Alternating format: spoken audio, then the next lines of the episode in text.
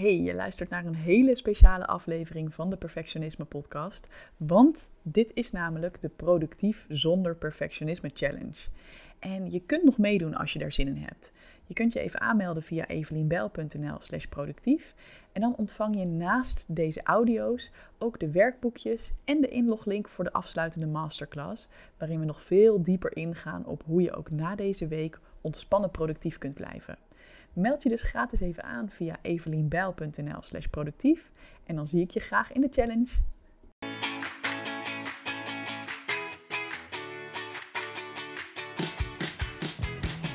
Ja, welkom bij dag 2 van de Productief Zonder Perfectionisme Challenge. En we gaan vandaag aan de slag met een mindset switch om direct anders naar productiviteit te gaan kijken. En dat wil ik graag met je doen aan de hand van drie misvattingen die ik vaak zie over productiviteit. En de eerste misvatting is dat je productiever wordt van perfectionisme. En dat is echt absoluut niet waar, want ten eerste zorgt perfectionisme ervoor dat je grenzen overgaat. als ik terugdenk aan mezelf toen ik net begon met werken, was ik heel vaak bang dat andere mensen mijn werk niet goed genoeg vonden. Dus ging ik maar honderd keer nakijken. Nou, dat is niet productief, want het kostte superveel tijd die niet echt nodig is. Ten tweede nam ik meer verantwoordelijkheden op me dan nodig.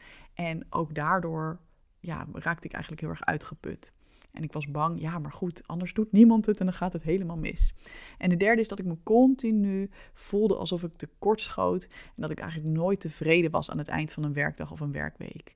En dat maakte me minder productief, want op de lange termijn houdt niemand zo'n hoog tempo vol, dat hoge niveau vol. Met natuurlijk als risico dat je echt gezondheidsklachten krijgt, zoals een burn-out. En de tweede reden dat over je grenzen gaan, dankzij, uh, dankzij perfectionisme niet productief is, is wanneer je werkt vanuit die angst om niet goed genoeg te zijn, want dat is perfectionisme, dan zit er veel meer kramp op wat je doet. En dan is de kwaliteit van alles wat je doet dus lager. Ik merkte bijvoorbeeld dat mijn interactie met andere mensen ja, eigenlijk een beetje strained was, om het op zijn Engels te zeggen. En ik kan het tegenwoordig ook heel erg merken als iemand anders heel erg in zijn hoofd bezig is met: doe ik het allemaal wel goed? Wat vindt die ander van mij? Wat er dan eigenlijk gebeurt is dat je uit verbinding gaat en dat je niet meer echt de ander ziet. Dus ook de kwaliteit van je werk, wanneer je samenwerkt met andere mensen, is minder goed als je vanuit perfectionisme aan het werk bent. Als je werkt vanuit die angst om niet goed genoeg te zijn. En we hadden het gisteren ook al over uitstelgedrag.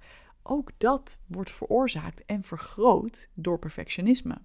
Want als jij de lat zo hoog hebt liggen en zo bang bent om het niet goed, goed, te doen, dat je enorme weerstand gaat voelen tegen een taak, ja, dan wordt het natuurlijk een enorme opgave om te gaan beginnen.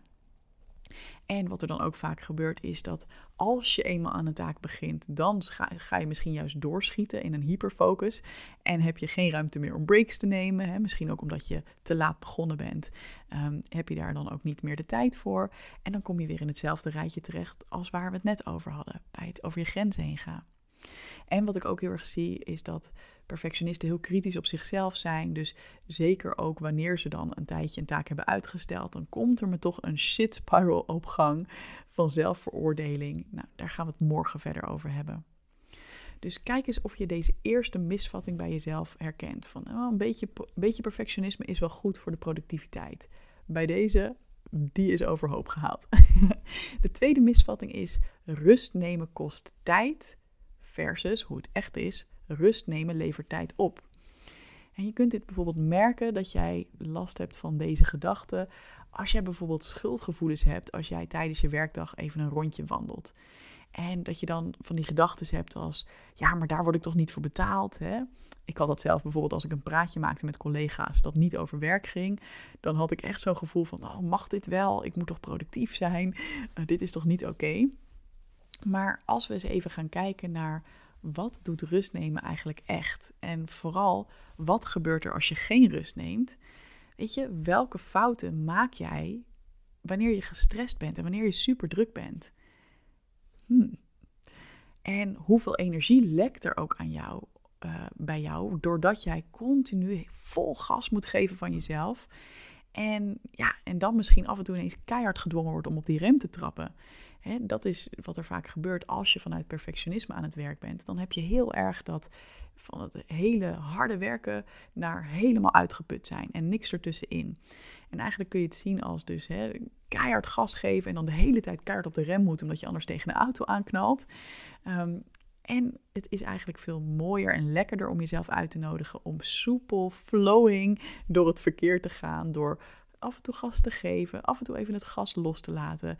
En dat je dus nooit gedwongen wordt om keihard stil te gaan staan, doordat je lichaam het bijvoorbeeld opgeeft. Weet je, uiteindelijk worden veel mensen natuurlijk ziek of raken zelfs burn-out. Ik heb zelf een hele lange keelontsteking gehad die maar niet overging. En weet je, er is geen cheat code voor het leven. Iedereen heeft rust nodig. De vraag is alleen, neem je die rust op een zelfgekozen moment of wacht je tot er keihard ingegrepen wordt door jouw lichaam?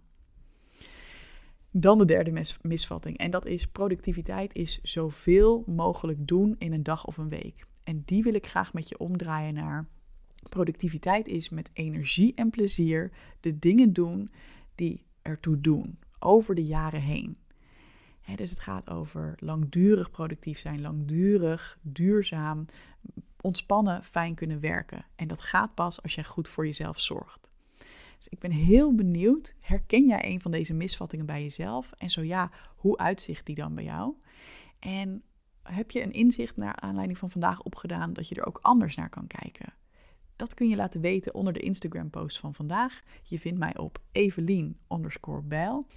En zorg ook zeker dat je morgen weer bij de challenge bent, want dan komt er een hele waardevolle les aan over de nummer 1 killer van productiviteit en dat is zelfkritiek.